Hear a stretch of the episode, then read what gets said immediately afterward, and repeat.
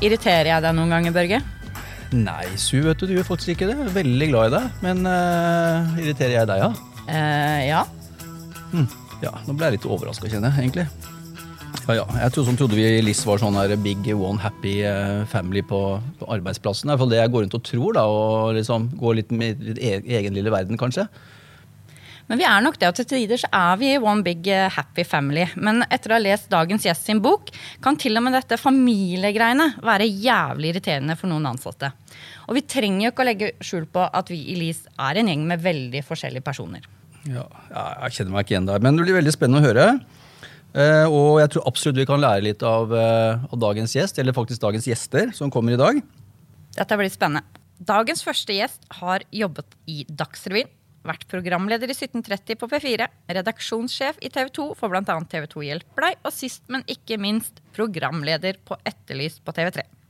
Oppsummert masse erfaring fra mediebransjen. Erfaringene de siste årene har tatt med seg inn i rollen som rådgiver og foredragsholder. Reis til hver bygd og by med foredraget 'Slik takler du idiotene på jobben'. Og nå sist ute med boka 'Irriterende kollegaer'. Velkommen til Logistikkpodden, Per Henrik Stenstrøm. Tusen takk for det.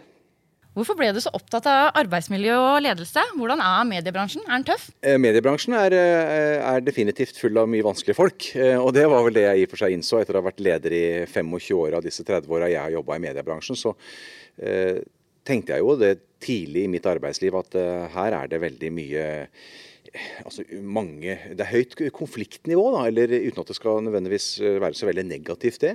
Men uh, ganske mange krevende altså, type mennesker, uh, og hvor man egentlig blir da oppdratt til å være kritisk. Og da blir det mye meningsbrytning. Men så har jeg funnet ut at mediebransjen er jo ikke Eh, er jo ikke spesiell på noen som helst måte. Altså Vanskelige folk finner du overalt, uansett hvor du jobber. Om det er en frisørsalong eller et bilverksted eller i logistikkbransjen. altså spiller ingen rolle. Vanskelige folk. Kolleger har det overalt.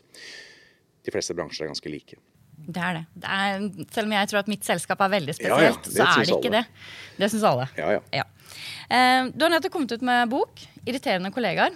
Eh, der har du delt oss opp i ganske gode bolker. Kan ikke du si litt om hvordan du tenker når du tenker arbeidsmiljø, og hvordan du deler opp? Det, var, det, å komme fram til en inndeling, det er jo ikke, altså dette er ikke spesielt forskningsbasert og akademisk. Det skal jeg legge til med en gang. Men eh, det er en inndeling som skal være litt morsom. Eh, som gjør at man da blir litt nysgjerrig på det, og at det er litt sånn appetittvekkende å gå løs på det temaet.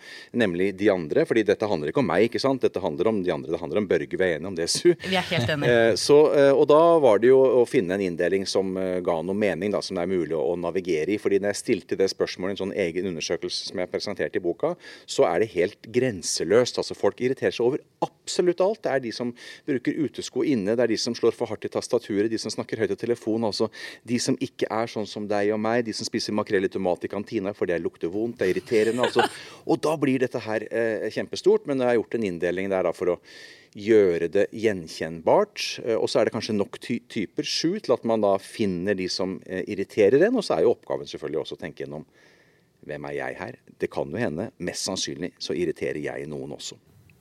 Ja, det kunne jeg konkludere med når jeg hadde lest boka. Eh, at det er veldig stor sannsynlighet for at jeg gjør det. Men hvem av de irriterer oss eh, mest, tror du, av de typene du er? Eh, Bedreviteren, eh, som jo da vi skjønner hva vi snakker om, eh, er jo da en veldig irriterende type. Den som alltid på arbeidsplassen forteller oss hvordan vi bør gjøre arbeidet, og som starter alltid med å si at hvis jeg var deg, så ville jeg ha Og så kjenner vi bare at åh, det lugger eh, veldig å ha disse, disse, verdensmesterne rundt seg til enhver tid, pluss gratispassasjeren. Eh, som jo er ganske alvorlig, at vi irriterer oss over at noen ikke er med å dra lasset. Eh, når vi da står i et sånt tautrekkingslag, og så er det en som eh, foran ikke trekker i tauet, og den som står bak trekker heller ikke tauet. Da blir vi forbanna, og vi syns det er svindel og bedrag mot arbeidsgiver når folk hever lønn for det arbeidet. Så de to er ekstremt irriterende. Mm. Det, det, kan jeg Kjenner deg igjen i det? Jeg kjenner meg jo igjen i det. Og jeg tror alle kjenner seg kanskje litt igjen i alle typene. Ja at det kan være litt situasjonsbetinget. Absolutt. Og, det, og tenker at det er ikke feil i det hele tatt. Og så er det jo bare viktig å legge til også at det er ikke noe gærent i å irritere seg over kollegene sine. Eh, det er ganske naturlig, egentlig. Og to av fem misliker kollegene sine, så vi har jo liksom noen, sånn, noen tall på hvor alvorlig problemet er. Men, men, det der å kjenne på at man irriterer seg over noen, det skal man ikke skamme seg over. fordi det betyr bare at du har, noe, du har noen meninger og noen sånne synspunkter på hvordan arbeidet skal utføres. At du er litt sånn verdistyrt. da. Eh, og da er det irriterende når folk ikke utfører arbeidet på den måten du mener eh, det burde utføres. Men så er jo problemet at det står i veien for samarbeid, og at vi kanskje irriterer oss over andre ting. Makrell i tomat, ikke sant? Mm. Er, er det skytepoeng her? Ja. Altså det, vi har jo alle, i hvert fall jeg og sikkert flere, opp gjennom åra vært med på mange sånne samlinger. Hvor man skal danse, synge, klemme, skrive på tavla, gjøre oppgaver og sånn. Og så og så har man alle disse primadonnaene, og du har liksom den eh, hva skal vi si, gratis passasjeren, og du har eh, bedreviteren og alle disse her. Eh, og så vet man jo ikke selv hvem man er, ofte. For man sitter jo gjerne og så, og så får man liksom definert dette primadonnaen, og så sitter jo primadonnaen da i salen og nikker på hodet og sier at uh, ja, det er jeg helt enig i. Og så snur alle 40 seg i salen og man vet at vi snakker om denne personen. Mm. Det er sånn klassisk. Mm. Uh, har man noe sånn, Hvordan kan man sånn opplyse seg selv og bli bedre på å på måte, på en måte se seg sjøl utenfra? Er det noen teknikker på det? Eller har du vært borti hvordan man ja. Ja, ja. definitivt. For det tenker jeg jo også. Jeg holder jo mye foredrag rundt omkring, og så syns jeg det er ekstra gøy når man kan få jobbe litt med workshoper. da, altså At man kan jobbe med dette her litt sånn i bakkant. fordi det er jo det som er så krevende, er jo da den derre evnen til å se seg sjøl utenfra. For det skjer jo ikke så veldig mye før du, uh, før du gjør det. Og så mener ikke jeg at, skal, at, dette er ikke en bok for at vi skal forandre oss, uh, men vi skal bli mer nysgjerrig på de vi ikke forstår oss på. Uh, og dette her da, som du sier, Børge, altså primadonnaen og elefanten i rommet f.eks., som alle egentlig tenker at det er, det er, denne personen vi snakker om. Skjønner du ikke det? og det er ikke sikkert den personen skjønner i det hele tatt. Og da kan vi jo ikke liksom presse folk. Jeg kan jo stå her og si at jeg er en helt fantastisk far. Jeg er så inkluderende raus, jeg bruker så mye tid på ungene mine. Men har jeg spurt ungene mine om det? Er det liksom objektivt det jeg sier, eller er det bare subjektivt? Og stort sett så er det jo subjektivt. Men eh, det skjer jo ikke så mye med dette her før man kan begynne å snakke litt om det. da. Altså, Hva er det jeg vil se litt mer av hos eh, altså, hva, det, hva vil du se litt mer av hos meg, eh, Børge, og hva vil du se litt mindre av hos meg? ikke sant? Av disse typene. Vi leker litt med det. Det er litt humoristisk, det er litt ufarlig. Jo, jeg tenker Per Henrik, at du er en primadonna, kan du få lov til å si til meg da. Du har en del av disse trekkene. Du blir bl.a. jævlig forbanna når vi begynner å diskutere, og så kan jo jeg si hæ? Blir jeg forbanna? Aldri tenkt sånn på det, Børge. Jeg er jo ikke forbanna, jeg. Jeg er bare engasjert. Jo, men jeg trekker meg unna, kan du få lov til å si. Jeg, jeg syns det er ubehagelig. Og så kan man i hvert fall begynne eh, å nærme seg dette her på en eller annen måte. da. Eh, og det er jo ikke alltid lett, men jeg opplever jo at det skjer noe. Fordi det er få som har tenkt igjennom hvordan jeg virker på de jeg jobber sammen med. Det er helt klart. Jeg fikk, når jeg kom til Superoptimisten, så tenkte jeg å, det er ikke meg. Men så så begynte jeg å lese om den der ta vaffelfredag og lønningspill på Teams og alt dette her. Så tenkte jeg det er folk i Li som er jævlig irritert på at jeg ber dem logge seg på klokka åtte på en fredag. Uh, og jeg liksom tvinger det ned. Det er jo ikke greit. Jeg kjente at du, det er ikke greit, så du må slutte med det. Har du lyst, har du lov, men det er helt greit å ikke være med. Ja, det er veldig ekskluderende, eh, alle sånne tiltak som er lagd for å være inkluderende. Som du sier, dra på tur, teambuilding, hyttetur, alt dette her. Det blir så bra, vi blir så gode. Eh, og sammenspleisa. Og så er det en hel del folk som tenker at det der har ikke noe med mitt arbeidsliv å gjøre. Jeg vil ikke, jeg gjør alt for å unngå det. Og da begynner Su og da begynner du å sette opp liste, ikke sant? for da veit du hvem som er utafor. Og er du ikke med, så er du utafor. Ja, og, og da farlig. skaper det egentlig større ja. avstand enn det vi I, i motsatt til det vi, vi, vi egentlig ønska. Mm. I boka så skriver du om en eh, bedreviter. Fortell litt om han. Nei, var en, vi var en uh, liten gjeng som skulle ut og, i forbindelse med et utdrikningslag. Uh, og så skulle vi da møte opp uh, på en liten sånn flystasjon, altså for sånn småfly. Og skulle, hadde betalt og skulle fly med en pilot. Og ut av den der stasjonsbygningen så kommer det en, en veldig ung gutt med pilotbriller. Og vi var jo helt sikre på at han skulle, ja, var noe teknikk, altså skulle gjøre et eller annet. Men så viste det seg at det var han som var piloten. Og vi blei livredde, for vi tenkte er han 16, er han 17? Eller kan han ha fylt 18 år? Og han var liksom så cocky, og han var så selvsikker. Eh, og kom ut og liksom hilste oss velkommen. Han gjorde alt riktig. men vi bare tenkte at, Og jeg husker jeg begynte å google sånn der, hva er aldersgrensen for å fly. Og så oppdaga jeg at det, du kan faktisk fly fra du er 16. altså Du kan ta lappen. Men, eh, og jeg er ikke helt sikker på hva han var da. Men vi var jo egentlig i ferd med å si at det passer ikke, eller at en av oss har fått omgangssyke. og vi kan, ikke vi kan ikke fly med en som da går på ungdomsskolen. Men så var vi liksom fram og tilbake, og han var jo i og for seg tillitvekkende. Jeg ser det etterpå. men da var det en av, han, han, som hadde bestilt opplegget, han var ganske knallhard. Så sa han at hva er problemet deres? Altså en som virker selvsikker, som da er vi redde for at han her, som er helt nyutdanna, hvem tror vi følger rutiner og regler eh, best framfor en som kanskje er 62 og som har gjort dette her en million ganger og kanskje ikke er så nøye lenger på sikkerheten. Og da var vi jo ja, jo, kanskje, men allikevel. Han er veldig ung og han er så cocky. Ja, Ålreit, men det er greit. Da skal jeg forsøke å finne en eh, pilot som virker noe mer usikker. Eh, som er litt mer famlete osv. Og, så videre. så da sa jeg at det er greit, det er greit. Så og vi fløy. Og det blei jo da en veldig fin flytur med luftas yngste bedreviter, uten tvil. Ikke sant? Så det var eh, fint å, å, kunne få lov til å tenke over det. At uh, unge folk og pågangsmot og, og selvsikkerhet, det er uh, fint, det.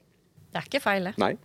Er det noen sånn typiske hva skal vi si, altså Om det er primadonnaen eller skytepavene, hvem er det mest av, tror du? Altså I arbeidslivet sånn generelt, er det noe sånn det er liksom, Du har jo den som sitter borti kroken, og så har du de som tar fredagspilsen. og Mitt inntrykk er vel kanskje at det er er sånn, det er veldig mange på fredagspilsen og færre av andre, men hva, hva, hva, tenker du? Jeg tror det er veldig mange som tilhører den superoptimist-kategorien. Fordi vi rekrutterer det. Det er det vi ønsker i arbeidslivet. Vi ønsker folk som er samarbeidsvillige, som stiller opp, som er glad i en fest, ikke sant? og som tenker på arbeidsplassen som en stor familie. Som er utadvendte, eh, som er sosiale. ikke sant? Det er bare Du hører jo alle ordene plugger inn i stillingsannonsen her nå. Eh, som vi liker. Og, og, det er jo, jeg tror det er mange som, eh, og vi forventer at vi skal ikke være kritiske. Vi snakker ikke om problemer, vi snakker kun om utfordringer. ikke sant? Yes, yes, yes. Eh, og at det er kanskje vanskeligere å være da en, ja, en pessimist, en sånn kravstor, vrien, irriterende kollega i, i, i disse i superoptimistenes øyne. Så jeg tror det er mange av dem, og, og vi, vi heier veldig på det. Eh, og selvfølgelig er det bra, men problemet er at det er litt sånn Og jeg var ikke klar over den figuren. Det var en på et foredrag som nemlig gjorde meg oppmerksom på det. For han sa veit du hvem som er den mest irriterende kollegaen? Nei, sa jeg. Eh, det er de som går rundt og er blide hele tida. De irriterer vettet av meg, sier han. OK, jeg har aldri tenkt på, så vi må slutte med det. Børge, må ikke gå rundt og være blid hele tida. Forferdelig irriterende. Ja, ja, ja. Så, og, og, og, og, da er det ja, og da tenker jeg at det da, eh, da, da blir det og, jeg tror jeg setter ord på det, fordi det er, det er ikke lov og ikke like den kollegaen som driver og samler og lager fest og julebord og sommerfest. Godt det, er, ja, det er ikke lov å ikke like den. Du kan ikke snakke høyt om det. Da blir du sendt av gårde. Da blir du sett rart på, ja. ja jeg, jeg, tenker på sånn pessimisten. Det er kanskje hjemmekontortida som vi er inne i nå. Det er vel eh, Guds gave til noen, tenker jeg. Og jeg ser jo på meg sjøl at jeg er sånn jeg må på kontoret. Jeg. jeg takler ikke å sitte hjemme aleine og, og, jobbe. Og, eh, så her må det være en gavepakke for noen. Ja, det, og det, bare det med hjemmekontor er jo spennende, fordi det, det ser vi jo så forskjellig på. Noen, noen, elsker det, og noen hater det. Eh, og disse pessimistene, eller disse introverte, eller hva vi skal kalle det, da, de som da liker å tenke, har funnet ut at hjemmekontor det er det beste som har skjedd verden. At jeg kan jobbe i fred og, og fordype meg i oppgaver osv. Eh, samtidig som jeg da kan helst ikke slå på kamera og late som at mikrofonen ikke virker i alle disse digitale eh, møtene. Men, eh, men, og, og, det er også krevende, selvfølgelig, fordi man sitter jo hele tida på, på, hver sin tue rundt omkring og vet lite om hva som foregår. og Man kan jo bli helt eh, eh, ja, paranoid nesten av å tenke at nå, nå skjer det ting i virksomheten som jeg ikke veit noe om. Eh, fordi jeg har en følelse av det. Eh, men så sitter man da og Ja, nettopp det der. Så det blir spennende å se hvordan man da møter disse utfordringene til høsten også. fordi eh, er det lov å like hjemmekontor og heie på det og si at man vil jobbe mye fra hjemmekontor? Fordi det er noen som møter den i døra nå og sier at hæ, vil du ha mer hjemmekontor? Fy, ikke sant? Og så kjenner vi at da kommer vi kanskje til å miste hverandre litt. Og min favorittkollega, som jeg er glad i å jobbe sammen med, skal jo nå være på hjemmekontor i alle dager. Bånd av mitt arbeidsliv raser ut. For du, du, er jo innom eh, i boka di om dette med fanklubber. Ja. Eh, og det også traff meg litt. At man liker å være sammen med dem man er mest lik. Mm. Eh, og hvis ledergruppen blir helt lik, da begynner det vel å bli litt skummelt? Ja, og det er jo kjempegøy å jobbe med fanklubben sin, for det er jo de du, som heier på deg, og de ringer deg hvis du er borte en dag og savner deg. og, og, og da kjenner man jo på at uh, vi holder oss unna de som vi egentlig da uh, ikke forstår oss på, eller misliker eller irriterer oss over. Og nettopp det der å utfordre seg sjøl på å ta med seg ideen, tanken sin, meningene sine, og gå til den kollegaen man ja, kanskje ikke tåler trynet på, da. Uh, det er jo kjempekrevende. Men hvis man gjør det, så er man jo virkelig med på å skape, eller legge til rette for annerledeshet, tenker jeg da. At man da kan nettopp utfordre seg sjøl på det. Ikke fordi det skal være sånn selvhjelpsopplegg, men det er jo faktisk arbeidsgiveren vår som forventer og, og fortjener at vi gjør det. Og Det er det vi egentlig har signa opp for når vi skrev under på den arbeidskontrakten en gang. At vi skal ja, samarbeide best mulig med de vi jobber sammen med. Ikke bare de som er som oss sjøl. Så arbeidsgiveren får jo ikke egentlig full valuta for penga før vi gjør det. Men eh, det er også, Elise, når alle disse møtes da, til et møte eh, inn i et rom. Eh, det er jo da gjerne man ser konfliktene klart. da. Eh, har du noen sånne kjøreregler for et godt møte når disse sju typene møtes? Ja, nei, Hvis det er så definert, så, så tenker jeg at det er alt som kan uh, være med å, å, åpne opp for at man har tanker om at vi eh, virker litt sånn forskjellig på hverandre. da, uh, Og at vi kan snakke om hva som irriterer oss og hvordan vi vil ha det på arbeidsplassen. Ja, vi skal være sosiale, men i hvilken grad skal vi være sosiale? Er det greit å si nei til en hyttetur? men så, så, så alt vi kan prate om, tenker jeg jo jeg, på en ufarlig måte. Det behøver ikke å være med stolene mot hverandre og i en sirkel, liksom at nå skal vi Eh, prate om det som altså, Hvorfor har du blitt en sånn stor skrytepave, Børge? Det er det jeg lurer på. Hva er det som har skjedd i barndommen din? Altså, det er jo ikke det vi, det er ikke sånn vi skal jobbe, men, men, litt om da hvordan ønsker vi som team å ha det? Hva slags avtaler skal vi ha? Eh, og hvordan skal vi snakke til hverandre? Og hvis vi ikke snakker til hverandre på den måten, hvordan skal vi på en måte flagge at eh, nå bryter vi våre egne avtaler? Ja, dette handler jo litt om sånne teamkontrakter og sånn, da. Og da opplever jeg jo at man klarer å anerkjenne eh, i større grad disse forskjellene, selv om det er jo ingen sånn quick fix. Men det er noen arbeidsplasser som er kanskje ja, er veldig opptatt av det. Og det tar litt tid, men da blir man jo også mye skarpere og bedre. Mm. Hvem, eh, du har jo vært leder i mange år, du òg. Hvem syns du er vanskeligst å lede? Jeg syns jo den derre eh, motarbeideren som jeg skriver litt om i boka der òg, eh, som da aktivt eh, stikker kjepper i hjula på arbeidsplassen, og alt er gærent, og ledelsen er gæren, og medarbeiderne er gæren, og arbeidsoppgavene er håpløse. Der har det jo gjerne skjedd et eller annet, tenker jeg, som gjør at folk havner i den kategorien. At du liksom aktivt straffer arbeidsgiveren din hver dag. Å forsøke å finne ut av det er jo ofte en lederoppgave, men jeg syns jo den der gratispassasjeren, altså å finne ut av det, eh, er ganske krevende. Eh, og det handler jo egentlig mest om å gjøre eh, arbeidsplassen og oppgavene så transparente som mulig. Da.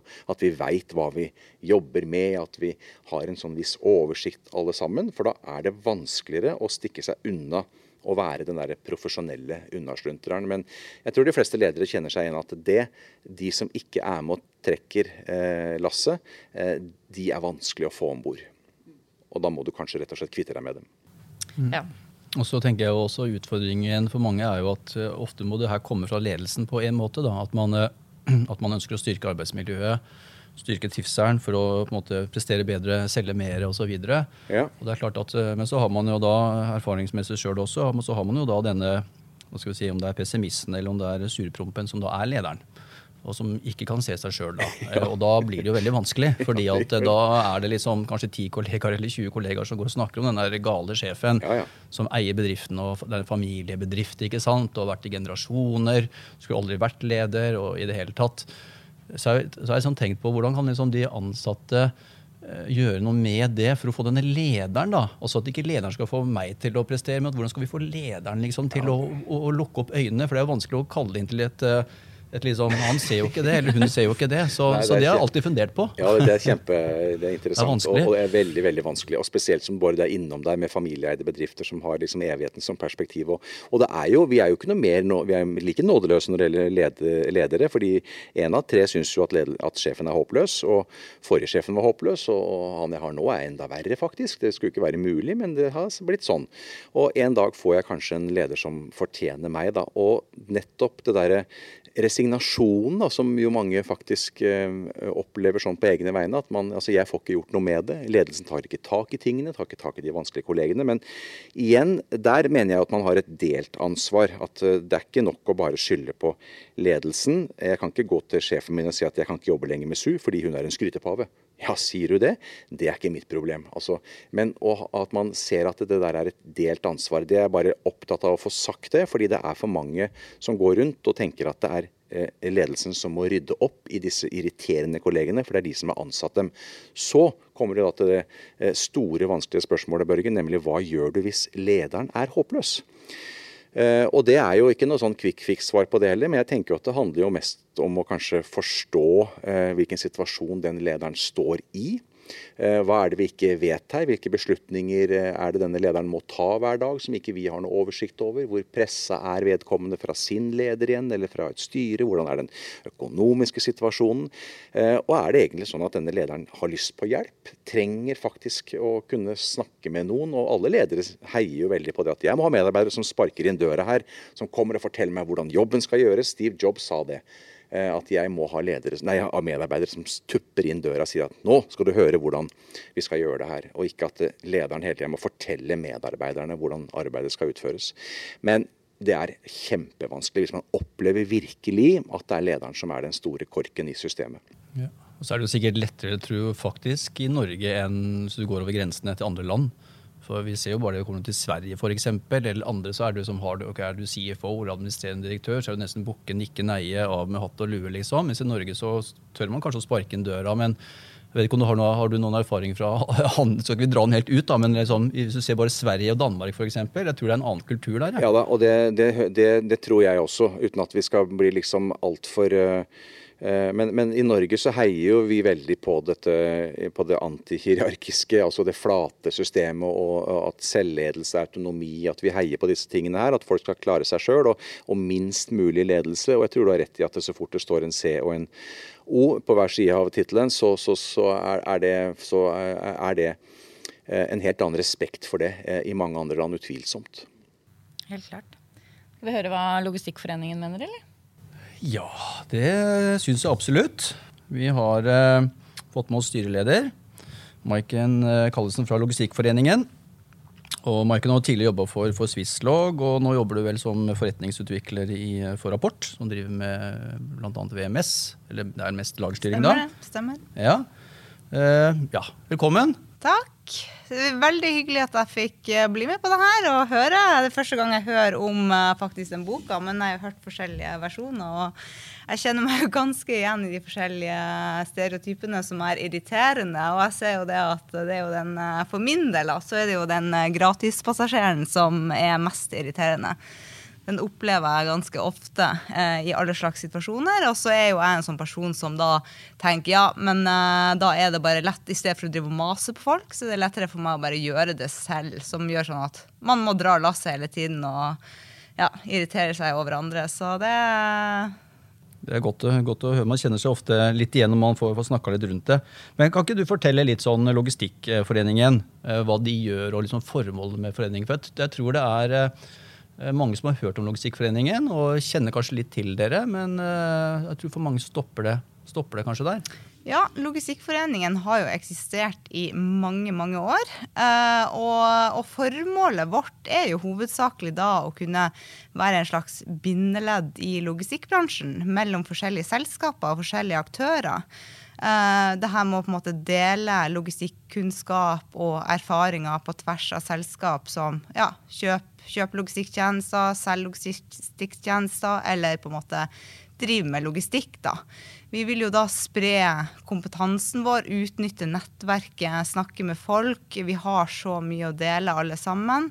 Og det er jo bare vi som forening som er det bindeleddet eh, i, i bransjen akkurat nå. Og så finnes det jo selvfølgelig type andre foreninger som, ja, som, som, bidrar også til å skape et godt nettverk. Så det er jo hovedmålet, er jo og at vi kan nettverke. Og det har jo vært litt vanskelig i disse koronatider. Uh, vi har prøvd å Eh, kjøre sånn webinarer, men det er det der med å treffe folk, prate med folk, bare ta en eh, dialog, bli kjent med hva andre gjør, og kan spare litt på tvers. Men Kan alle melde seg sånn, Er det en forening man kan bare melde seg inn i? Koster det noe penger å melde det, seg inn? alle kan det... melde seg inn. Jeg vil si at den prisen er ganske lav. Mm. Uh, så, og, og, de pengene som folk bruker da på medlemskontingentet, de forvalter jo vi videre til medlemmene. Vi, bruker, vi er jo da seks, uh, vi er sju i, i styret i dag, inklusiv meg. Uh, og vi bruker uh, Vi får jo ikke noe lønn for det vi gjør. Vi gjør jo alt det her på vår fritid og, er veldig engasjerte logistikere, da. Så uh, vi, vi, prøver å forvalte de pengene tilbake til medlemmene, skape arrangement og, og, skape verdi, da. Som, som, de kan få igjen denne verdien av at de investerer den medlemskontingentet på oss. da. Ja. Så kan vi vel bare si at De som da har noen spørsmål om Logistikkforeningen, eller noe sånt, så er det bare å ta kontakt med Maiken. Så ja, mm. Hvis man uh, trenger noe der. Hvilke typer uh, Dere som gjerne svarer begge to. Fins på det norske lageret. Jeg har jo ikke sett en Vi søker en innadvendt lagermedarbeider. men det hadde jo vært helt genialt. Du kan begynne du, Maiken. Hva trenger vi på norske lagre? Ja, det, det, er jo det med å være Jeg tror det, den typiske personen på lager er litt innadvendt. For man, opp, man, liker å styre med sine egne oppgaver. Og man styrer ganske mye på en måte alene, selv om man er veldig fordra til, til, samhandling for at ting skal bli effektive og kommunikasjonen skal på en måte gå på tvers. da. Så, ehm, men jeg tror kanskje det er vanskelig. Det finnes jo gratispassasjerer overalt, men eh, der tror jeg det er ganske tydelige arbeidsoppgaver, og man ser ganske tydelig hva som blir gjort da, så det er kanskje litt vanskelig å være en gratispassasjer på, på lageret, da, men Ja, nei, og jeg bare tenkte på, fordi jeg var hos han eh, Petter Stordalen eh, og snakka her i, i hans podkast, og han er jo definitivt en sånn eh, superoptimist. Han ser jo det sjøl, og, og, må ha to pessimister rundt seg hele tida for å liksom holde han i, i, i likevekt. Og jeg tenkte bare på dette her før jeg kom hit, fordi det der å, å, heie på disse pessimistene altså da tenker, det, det, det, er en god medarbeider, men det er liksom Kjell i Olsenbanden og Ludvig i Flåklypa i en og samme person som bare ser mørke skyer og dårlige værmeldinger. Og når vi andre står og prater om hvor bra det har vært den siste tida, så sitter pessimisten der og sier at det, det, altså, det, kommer til å snu snart, det går gærent. ikke sant? Jeg har sett på værmeldinga nå, det, blir, blir Vi kan ikke regne med at denne seilasen her fortsetter. Og Tenk deg hvis du i rommet i januar eller altså i november 2019 hadde hatt en sånn pessimist i, i LIS som sa det at Tenk hvis det kommer en pandemi en dag. Er vi rusta for å serve hele Norge, liksom? Sånn, vi hadde jo bare ledd så jævlig av det. Og tenkt at det er en gal person. Vi har en gal person om bord! Få han ut! Eh, og de der folka der, jeg tror den der kvaliteten der, altså eh, de der livredde som alltid er på vakt, er jo fantastiske medarbeidere. Men som du sier, eh, Su, man søker ikke etter en, eh, en, en, pessimist eller en som da alltid leiter etter feil og alltid har mørke briller på. Og så veit vi at det er en, en fantastisk medarbeider som redder oss. En av de mest kjente lagermedarbeiderne, lageroperatøren, eller hva han kalte det, var jo Fleksnes. Hva mm. mener vi han eh, er? Er han en bedre bedreviter, kanskje? Han, han var vel ganske klar på hva han Ja, man var skrytepav òg. Ja, ja. Han var jo ikke lagerbetjent, han var jo lageringeniør, og det varierte jo litt, grann, så han, han, var litt av hvert. Så han var Jeg tror han var skrytepav og bedreviter, ja. jeg, jeg tenker også det her med hva du tenker, Maiken, i, i forhold til at det har jo endra seg litt. Altså Hvis vi går tilbake ti år i tid da, på lager, eller altså, mm. kanskje ikke lenger tilbake i tid. Nå er det jo mer lagerstyring. det skal liksom Man snakker om eh, teknologien som kommer. Eh, man ser at det blir større lager, det blir mer lager. Eh, det er vanskelig å få gode ansatte på lageret. Mm. Eh, så det er kanskje en sånn dreining på lagersiden hvor man ser at her, for å få de gode, dyktige folkene, eh, at man kanskje ser etter litt andre typer mennesker og sånn. Jeg vet ikke, Har du noen tanker rundt, eller har sett noe til det? ja, altså jeg tenker jo, Hvis vi tenker tilbake i tid, eller fortsatt kanskje nå, så er det jo de som kanskje ikke har den høyeste utdanninga som, uh, som, stiller på som lagermedarbeider. Men det er i dagens marked da, så er det jo veldig viktig å utvikle disse medarbeiderne til å kunne håndtere. Det kommer ny teknologi, man skal samhandle, man skal være effektiv. Man skal ta de her eh, fordi de lagermedarbeiderne som faktisk skaper verdien, det er de som setter siste hånd på sakene. Det er de som faktisk ordner slik at kundene får varene sine. Så å, å, å utvikle de eh, og videreutdanne de og, og, og, la de være med på å bestemme hvordan man på en måte effektiviserer driften, da. Det tror jeg kan eh, være noe som på en måte blir bare mer og mer eh, fremover. Mm. Men da har vi jo noen da, som ikke vil være med å effektivisere driften, for den har jo vært sånn i 15 år. Ja, eh, og det har funka bra, det. Ja, veldig. Så, ja, så det er ikke behov i hele tatt, det. Nei. Å eh, få med folk på det der, eh, altså regning av kompetanse, og ikke minst at det er teknologi som overtar i større grad, og være med på det løftet der, det er jo, er jo definitivt krevende. Og så lenge alt funker, så er det jo ikke noe grunn til å forandre noe på det heller. Nei. Eh, fare for å være litt rødstrømpe nå, men eh, lager- og logistikkbransjen er jo mannsdominert. Eh, det kan også Maiken skrive under på, tror jeg. Ja, jeg kan bare si jeg har en litt morsom historie på det. For jeg har jobba så lenge i bransjen, og så var det ja, det var kanskje to år siden vi, vi endte opp med å dra to kvinner ut til, til, til en kunde, da. Og det hadde aldri skjedd før. Altså, det, som regel så var det meg alene rundt et bord med, med, sju andre menn. Eller så var det på en måte Men her var vi to kvinner da som møtte opp hos en kunde. Så det var litt Det var sånn Ja, det her må vi gjøre mer av. ja, veldig bra. Men kan man si noe om typer og kjønn, eller er det skummelt? Nei, jeg tenker at alder og kjønn skal man jo være forsiktig med å drive og definere ut ifra. Ja. Eh, men det er klart at en bransje som min, en av mine, eh, min første jobb var jo Jeg jobba i SAS etter at jeg var ferdig på videregående og hadde en sånn lager-serviceteknikerjobb. Eh, eh, og det var jo bare menn, og det var jo veldig sånn kjekkaseri, og alle var idioter, og det var liksom alle andre er det noe gærent med.